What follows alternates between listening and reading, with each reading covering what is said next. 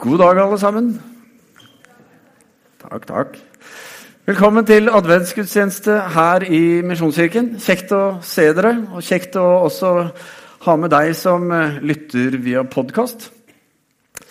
Det føles nesten litt rart i dag å ha en gudstjeneste hvor det ikke blir båret fram et barn, enten til velsignelse eller dåp. La du merke til det at vi gjorde det hver søndag i november? Det er ikke verst. Visste du det at i år så er det altså født 20 barn inn i Misjonskirken? Og Hvis du tar med de som Ja, det er lov å klappe for det. Audun har bidratt. Og det er jeg òg. Ja. Hvis du tar med de som ble født i 2014 og 2015, som var 27 til sammen, så er det jo 47 barn på tre år. Og det er litt av en gave. Men så er det litt av et ansvar også. Så hvis du er her i eh, dag, eller lytter på podkasten, og har tenkt at eh, kanskje du en eller annen gang skulle være med som leder eller noe i barne- og ungdomsarbeidet, så trenger du ikke å lure lenger. Vi har stort behov for ledere i menighetens barne- og ungdomsarbeid. Og det er ikke foreldrenes ansvar alene og skulle gjøre det på dugnad, eller hva vi kaller det. Jeg tror at Gud kaller oss til å gå inn i tjeneste. Og jeg tror at vi som menighet vi har både et ansvar og et privilegium om å gjøre det best mulig for det som er Kirkens framtid. Ikke bare Misjonskirkens, men Kirkens framtid.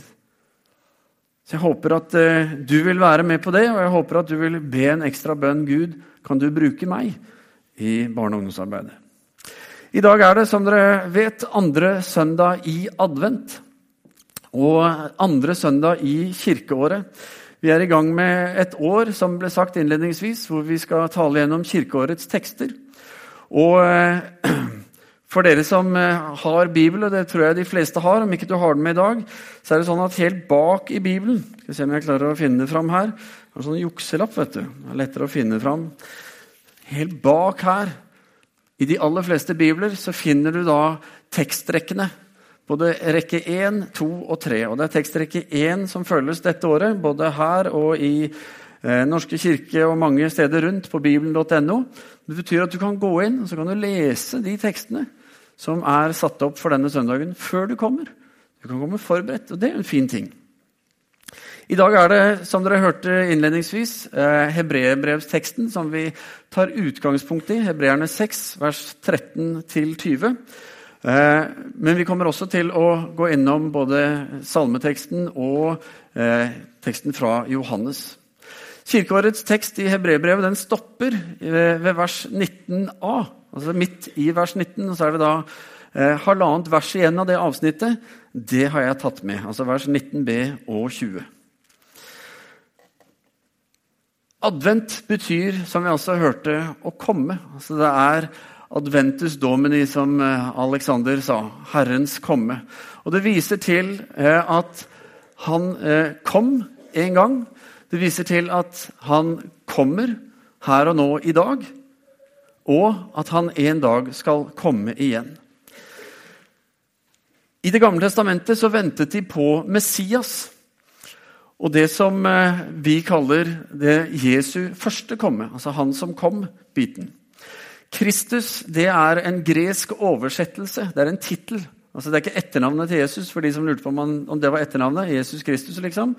Men det er tittelen 'Herrens salvede' det betyr.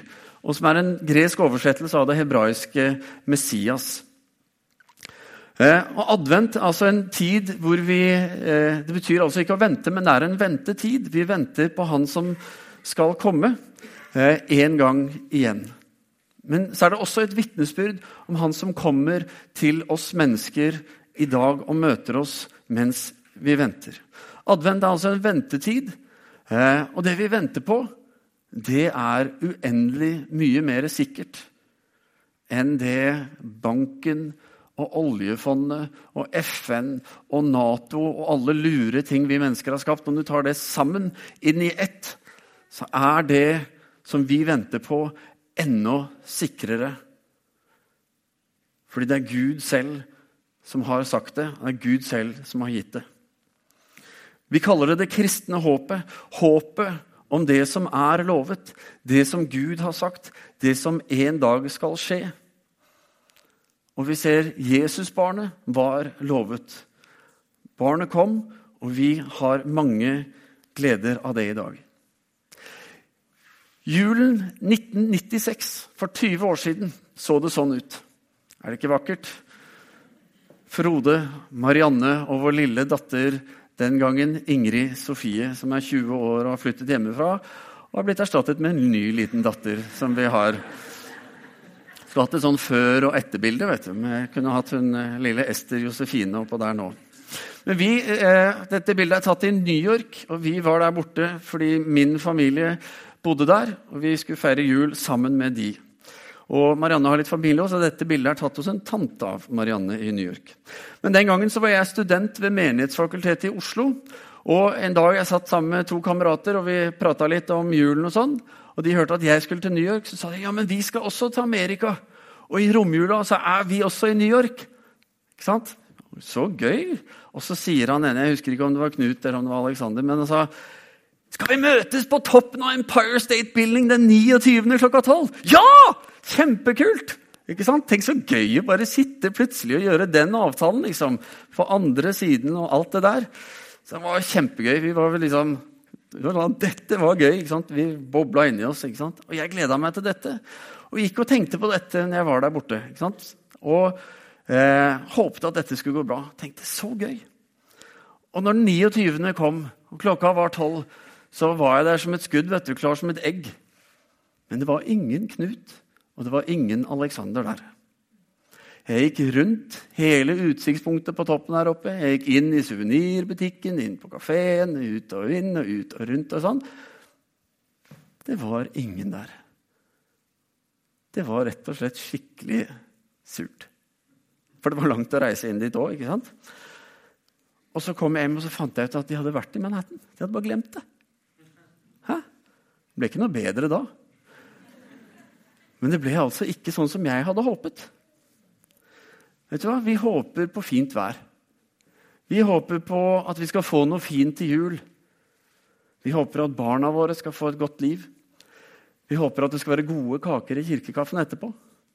Vi håper at talen i dag ikke er så lang. Ikke sant? Og når vi håper i vår hverdag, så er det i veldig veldig stor grad snakk om ønsketenkning med en varierende grad av sikkerhet. Det bibelske håpet det er forankret i Gud selv, i det han har gjort for oss, og i det, han, i det vi skal få oppleve i den endelige oppfyllelsen av det en dag når han kommer igjen. Gud ønsker mer enn noe annet at alle mennesker skal bli frelst. At alle mennesker skal få del i det han har gjort for dem, det han har stelt i stand, gjort klar for alle som tror. Han ønsker at de skal få erfare det vi var skapt til å være. Derfor sendte han Jesus. I Det gamle testamentet så var håpet det var knyttet til Guds frelse gjennom Messias. Han skulle sette sitt folk fri fra alle fiender og fra undertrykkelse. Israels historie er en berg-og-dal-bane. Opp og ned. Av dimensjoner. Sikkert den største har vært borte hvis den ble lagd. Liksom. De går fra rikdom og framgang, og noen ganger altså, til det rikeste som har vært. Og så går det ned i krig og i elendighet og nød og fangenskap og undertrykkelse og alt dette. Opp og ned, hit og dit. Fram og tilbake både på kartet og i alt det de opplevde i seg selv. Løftet om Messias ble håpet om en endelig frigjøring fra all undertrykkelse, motgang og nød. Når profetiene om Messias ble tolket inn i den konkrete situasjonen som de var i, så ble også Messias en krigerkonge som skulle komme og seire over alt og alle. Han skulle gjøre det med sverd i hånd. Og vi ser at når israelsfolket når de levde i håpet til Messias. Og når de fulgte Guds bud og gikk på hans vei, så gikk det bra, på tross av at det gikk litt annerledes enn kanskje de tenkte og selv ville ha gjort det. Men det er bare én vei å komme opp, og det er i motbakke. Og når de går sin egen vei, da, når det går så bra at de begynner å ordne seg selv, lager sine egne guder, så ser vi at til slutt så går det elendig. Det virker gøy først, fordi det går fort. Og det er spennende. Men så ender man som regel nede, eller kanskje helt på bånn i den berg-og-dal-banen. Dagens tekst fra Det gamle testamentet, som eh, står i Salme 33, vers 18-22, der leser vi Men Herrens øyne hviler på dem som frykter ham og venter på hans miskunn, så han kan fri dem fra døden og holde dem i live gjennom hungersnød. Vår sjel venter på Herren. Han er vår hjelp og vårt skjold. Vårt hjerte gleder seg i ham. Vi setter vår lit til Hans hellige navn. La din miskunn være over oss, Herre. Det er deg vi venter på. Å vente på Herren det handler om å velge å tro på Gud på tross av omstendighetene, og ha tillit til at han er den han sier at han er, og at han har gjort det han sier at han har gjort, og så å følge han. Juleevangeliet, som vi finner i Lukas 2, regner jeg med at de fleste av oss kommer til å høre i hvert fall én gang i løpet av denne julen. Det er første halvdel av kapittel 2. Og i andre halvdel så møter vi flere. Blant annet møter vi Simeon. Simeon han hadde ventet og lengtet etter å få se Messias gjennom hele sitt liv. Han var en gammel mann. Og så hadde Gud sagt til han, ved Den hellige ånd, står det. Ved Den hellige ånd hadde Gud sagt til han at han skulle få se Messias. Han skulle få se Herren salvede før han selv døde. Og på den åttende dagen etter at Jesus ble født, når Josef og Maria tar med seg Jesus til tempelet for at han skal omskjæres, så er Simeon i tempelet. Han var ofte der. Og Så ser han når Josef og Maria kommer inn, og så vet han i sitt hjerte umiddelbart at dette barnet som de bærer, Jesusbarnet, det er Messias.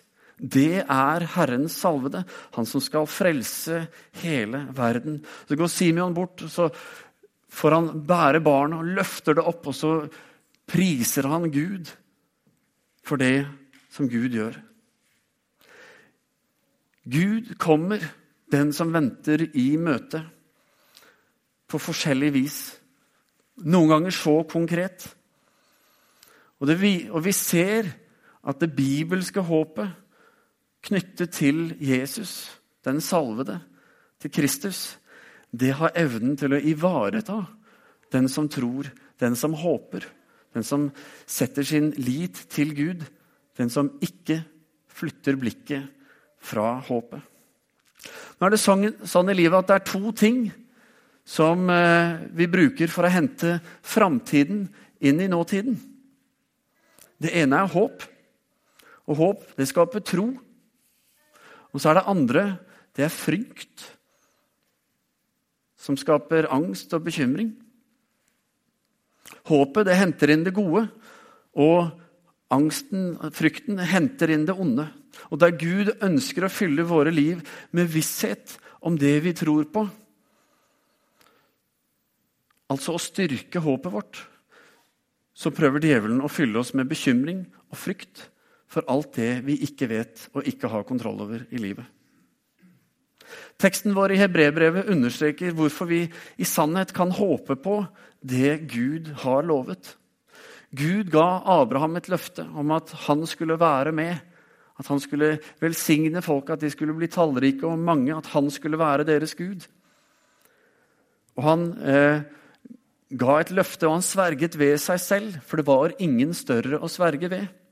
Og Vi leser i vers 18 med løfte og ed, to ting som ikke kan forandres. Og Gud kan ikke lyve. Med dette skulle vi ha en mektig trøst, vi som har søkt tilflukt ved å gripe det håpet som ligger foran oss. Og så er det første stedet vi møter djevelen, det er i Edens hage. Og hva er det første han sier? Han sier, 'Har Gud virkelig sagt?' Er det nå en gang sånn, dette som du håper på, dette som du tror på? Det spørsmålet det har ett mål, og det er å flytte fokuset vårt fra det bildet som Gud gir oss, det som er håpet, og over på noe annet. Nesten uansett hva det er. Men På et bilde hvor vi selv må begynne å forme og forestille oss hvordan ting er. Hvordan vi skal håndtere alt det onde som vi ser skje i verden i dag. Fra håp til frykt er djevelens strategi. Når vi lytter til dette, så kommer også frykten inn i livet. Og da blir vi som Adam og Eva. Vi løper og gjemmer oss i frykt for straffen. Vi tenker at Gud sikkert kommer til å straffe oss. Eller kanskje vi tenker at nei, Gud han bryr seg ikke i det hele tatt. Eller han har forlatt oss. I dagens evangelietekst, Johannes 14, vers 1-4, så sier Jesus La ikke hjertet bli grepet av angst. Tro på Gud, tro på meg. I min fars hus så er det mange rom. Var det ikke slik, hadde jeg da sagt dere at jeg går og vil gjøre stand et sted for dere. Som om han på ny sier Gud lyver ikke. ikke sant? Så sier han videre, og når jeg har gått og gjort i stand et sted for dere, vil jeg komme tilbake og ta dere til meg, så dere skal være der jeg er og dit jeg går, vet dere veien? Jesus går rett inn i problemstillingen i livet. Om hvordan er det vi ser på det som ligger foran oss? Hva er det vi knytter vårt håp til? Og så sier han, la ikke hjertet bli grepet av angst. For det er mange ting i livet som kan fylle oss med angst. Tro på Gud, sier han, og tro på meg. Jesus er Herrens salvede. Og han brukte sine tre år i tjeneste på å undervise i og bekrefte og oppfylle det som Gud har lovet gjennom sitt ord, gjennom loven og profetene og gjennom Jesus. Og mest av alt så handlet det om at Jesus kom for å vinne en endelig seier over alt det onde. Seieren som jødene tolket som en krigerkongers seier med sverd og spyd og alt dette, det var egentlig en åndelig seier over syndens og dødens makt. Over alt det onde. Og Derfor venter de også fremdeles på Messias. Og Her kommer siste delen av teksten inn, vers 19 og 20, som jeg har tatt med her også. For det som gjør håpet vårt sikkert, og så uendelig mye større enn alt annet, det er at dette håpet når innenfor forhenget. Det når helt inn til Gud, like inn til Han. Hvis vi leser vers 19 og 20 sammen igjen. Dette håpet er et trygt og fast anker for sjelen. Det når innenfor forhenget, dit Jesus gikk inn som forløper for oss, han som til evig tid er blitt øversteprest av samme slag som Melkisedek. Altså en annen prest enn det den vanlige levittpresten var. Når Jesus døde på korset, så gikk han inn i rollen som øversteprest. Den vanlige øverstepresten han gikk inn i det aller helligste innenfor forhenget én gang i året. Og Der ba han om tilgivelse og renselse for Israels folk. Og når han kom ut igjen, så var det et tegn på at ja, nå var tilgivelsen gitt. Og om et år så gjorde de det samme igjen. Når Jesus som øverste prest går inn, så dør han. Fordi eneste måten å overvinne synden på, det er gjennom død. Syndens lønn er døden. Skal synd sones for alltid, så er død den eneste måten synden må drepes fullt og helt. Og når Jesus dør på korset, så forteller Bibelen at da revner forhenget i tempelet. Forhenget inn til det aller helligste. Det revner. Det som skiller Gud og hans herlighet og nærvær fra mennesker for å rett og slett spare oss, det alt det som var der, det har Jesus tatt hånd om. Så Jesus tilbyr ikke bare en årlig tilgivelse, men en evig tilgivelse. Han tilga oss før vi ble født, før vi fikk begynt på å gjøre alt det gale vi gjorde. Og han tilga oss med full viten om alt det vi kom til å gjøre. Så vi får det ikke fordi vi har fortjent det, men vi får det fordi han elsker oss så høyt. Han elsket deg så høyt at han var villig til å dø for deg. Og siden Jesu død var en endelig soning for all verdens synd, så trengtes ikke forhenget lenger. Jesus sto opp, og Guds nærvær skulle nå ta bolig i oss ved Den hellige ånd. Og Det er derfor vi feirer pinse. Han skulle fylle oss og håpet kommer enda nærmere, være enda tydeligere for oss i vår hverdag. Og den endelige oppfyllelsen av håpet, det er noe vi allerede får del i nå. Men ikke fullt og helt. Vi får del i det nå gjennom troen på Jesus. Nå ser vi stykkevis og delt. Derfor er det så viktig at vi holder fast ved Jesus som håpet i livet over alle andre ting som vi får lyst til å sette håpet vårt til.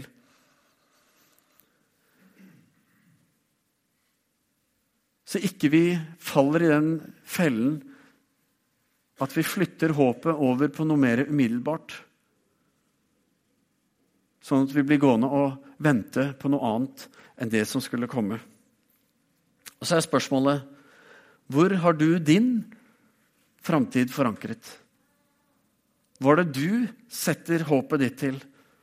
Har du et sikkert, sikrere enn banken og oljefondet FN og Nato og alt dette håp? Som bare er der, og som du vet er der? Fordi det handler om Jesus Kristus og hva han gjorde for deg? Eller er håpet ditt forankret i deg selv, i dine omstendigheter, i din jobb, i din økonomi, i din velferd, i din helse, i din opplevelse av at ting er rettferdig. Å ha sitt håp forankret i Kristus det handler om å tro på Han og følge Han hele veien inn, innenfor forhenget der Han gikk foran oss. Fordi der inne er det virkelige håpet. I det aller helligste. Mange av oss vi stopper på utsiden fordi vi tenker at nei, du skjønner, jeg har gjort dette og dette, jeg er ikke verdig for det, og alt dette. Og så går vi inn, og så overstyrer vi Gud. Men hele poenget er jo at det er ingen som fortjener dette. Det er noe vi får. Johannes sier det i Johannes eh, kapittel 1, vers 12. sier han, Men alle som tok imot ham, dem ga han rett til å bli Guds barn, de som tror på hans navn. Håpet fungerer bare for de som trenger det. Derfor er håp og det kristne håpet en ekstra utfordring for oss som lever i den vestlige verden. Vi som har så uendelig mye mer enn det vi trenger, og som lett setter vårt håp til at disse tingene fungerer. Vi som eh, har, kommet, har det så bra at vi egentlig bare kjemper for å eliminere alt som fins av smerte. Alt som fins av motgang og vansker. Og vi har gått så langt at når vi ikke lykkes med det, når vi opplever smerte eller motgang, så er det lett Gud som får skylden for at det er sånn. Å sette sitt håp til Gud det handler om å gi Gud kontrollen og si Gud, jeg skjønner at det er du som er skaperen. Jeg skjønner at det er du som vet hvordan dette fungerer, og jeg ser hva du har gjort for meg i Jesus. Jeg stoler på deg, at du skal ta hånd om alle utfordringer. Eller som salmisten sa, at du skal hjelpe meg gjennom hungersnøden. Ikke ta vekk hungersnøden, men hjelp meg gjennom den. At han vil sørge for oss. Fordi du skjønner, alt det som kommer inn og tar den plassen, det blir en avgud i livet vårt. Som fjerner fokuset vårt vekk fra det håpet vi har. Jobben vår kan bli en avgud. Helsen vår kan bli en avgud. At alle rundt oss i familien er lykkelige, friske og har det bra, kan bli en avgud. Selv om det er bra, vi vil det. Men hvis det blir viktigere og større, så bommer vi. Bibelen er en kraftfull hjelper og trøster. Når vi ser på alt det gale som skjer i verden, og mange som har sagt det de siste året eller to liksom, Nå skjer det ekstra mye galt. Da er det, syns jeg, godt å kunne gå for til å lese Bibelen. Eksempel, sier, sier Jesus i Johannes 16, 33, som jeg har lest mange ganger. Der sier han dette har jeg sagt dere for at dere skal ha fred i meg. I verden så har dere trengsler. Sånn er det. Men vær frimodige, for jeg har seiret over verden. Og derfor kan du ha fred i meg. Det gir håp for den som tror. Når sykdom kommer, eller vi kjenner på skyld og alt dette, så kan vi gå til f.eks. Salme 103, hvor David skriver i vers 3.: Han tilgir all din skyld og leger alle dine sykdommer. Og Så er det et løfte som vi har om ikke du får oppleve det i dag, så skal du få oppleve det. Det gir håp for den som tror. Når Jesus ble fristet i ørkenen, så står det at han ble ledet av Den hellige ånd. Og djevelen prøvde å slå beina under det Gud hadde gitt løfter om. Og Jesus parerte alt nettopp med Guds løfter, Guds ord og hva som var sant, og som sto der. Det er en fantastisk god grunn til å lese i Bibelen, fordi Bibelen er fullt av det vi trenger i, vårt, i vår hverdag og vårt liv. Full av løfter, full av håp.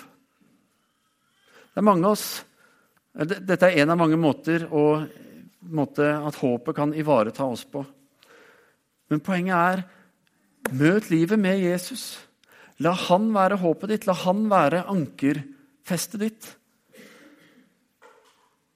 La han få tale inn i livet ditt. Han gjør det på mange måter.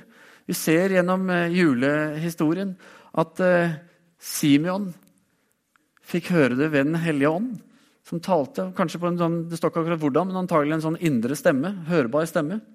Han kan gjøre det gjennom drømmer, sånn som han gjorde det i forhold til Josef, i forhold til de vise menn. Han kan bruke engler, slik han brukte i forhold til Maria, i forhold til gjeterne. Han kan bruke andre mennesker slik han gjorde med gjeterne og med de vise menn når de kom til Josef og Maria. Og det bare bekreftet at vet du hva? Dette er Herrens salvede. Og det er dette vi feirer jul for. Det er dette som Gud har gitt oss. Og dette ønsker han at vi skal få være en del av og leve i. Så la meg avslutte med et vers fra Romerne 15, ord av Paulus, og vers 13, hvor det står Må håpets Gud fylle dere med all glede og fred i troen, så dere kan bli rike på håp ved Den hellige ånds kraft. Skal vi be. Kjære himmelske Far, takk for at eh, når du kommer oss i møte inn i vår hverdag, så ønsker du å fylle oss med all glede og fred i troen. Fordi gleden og freden er forankret i deg, ikke i hva vi får til. Og så ønsker du at vi skal bli rike på håp. Og du har gitt oss Den hellige ånd nettopp for at du skal få lov til å leve i oss, sammen med oss og lede oss. Så Herre, jeg ber at du skal hjelpe oss, Herre, til å se hvem du er og til å begynne å rett og slett identifisere i vårt eget liv hvor har jeg forankret mitt håp, sånn at vi kan ta et oppgjør med alle ting herre, som har tatt din plass, alle avguder, om vi skal våge å kalle dem det. Men Herre, sannheten er at vi trenger deg. Sannheten er at du er det eneste sanne, sikre håpet. Så Herre, takk for at du har kommet til oss. Takk for at du har gått i døden for oss. Takk for at du sto opp igjen, og at du kommer for å gi oss evig liv, nåde, tilgivelse, fred, kjærlighet, barmhjertighet og alt det gode som Bibelen snakker om. Herre, vi priser deg, og vi ber, Herre, at eh, vi skal få nåde til å oppleve det. At vi skal få ta og gjøre en jobb i vårt eget liv, Herre. Slik at løftet også blir vårt. At det får lov til å forvandle våre liv, Herre. Og ikke bare være en god, koselig historie i juletid eller andre tider av året, Herre.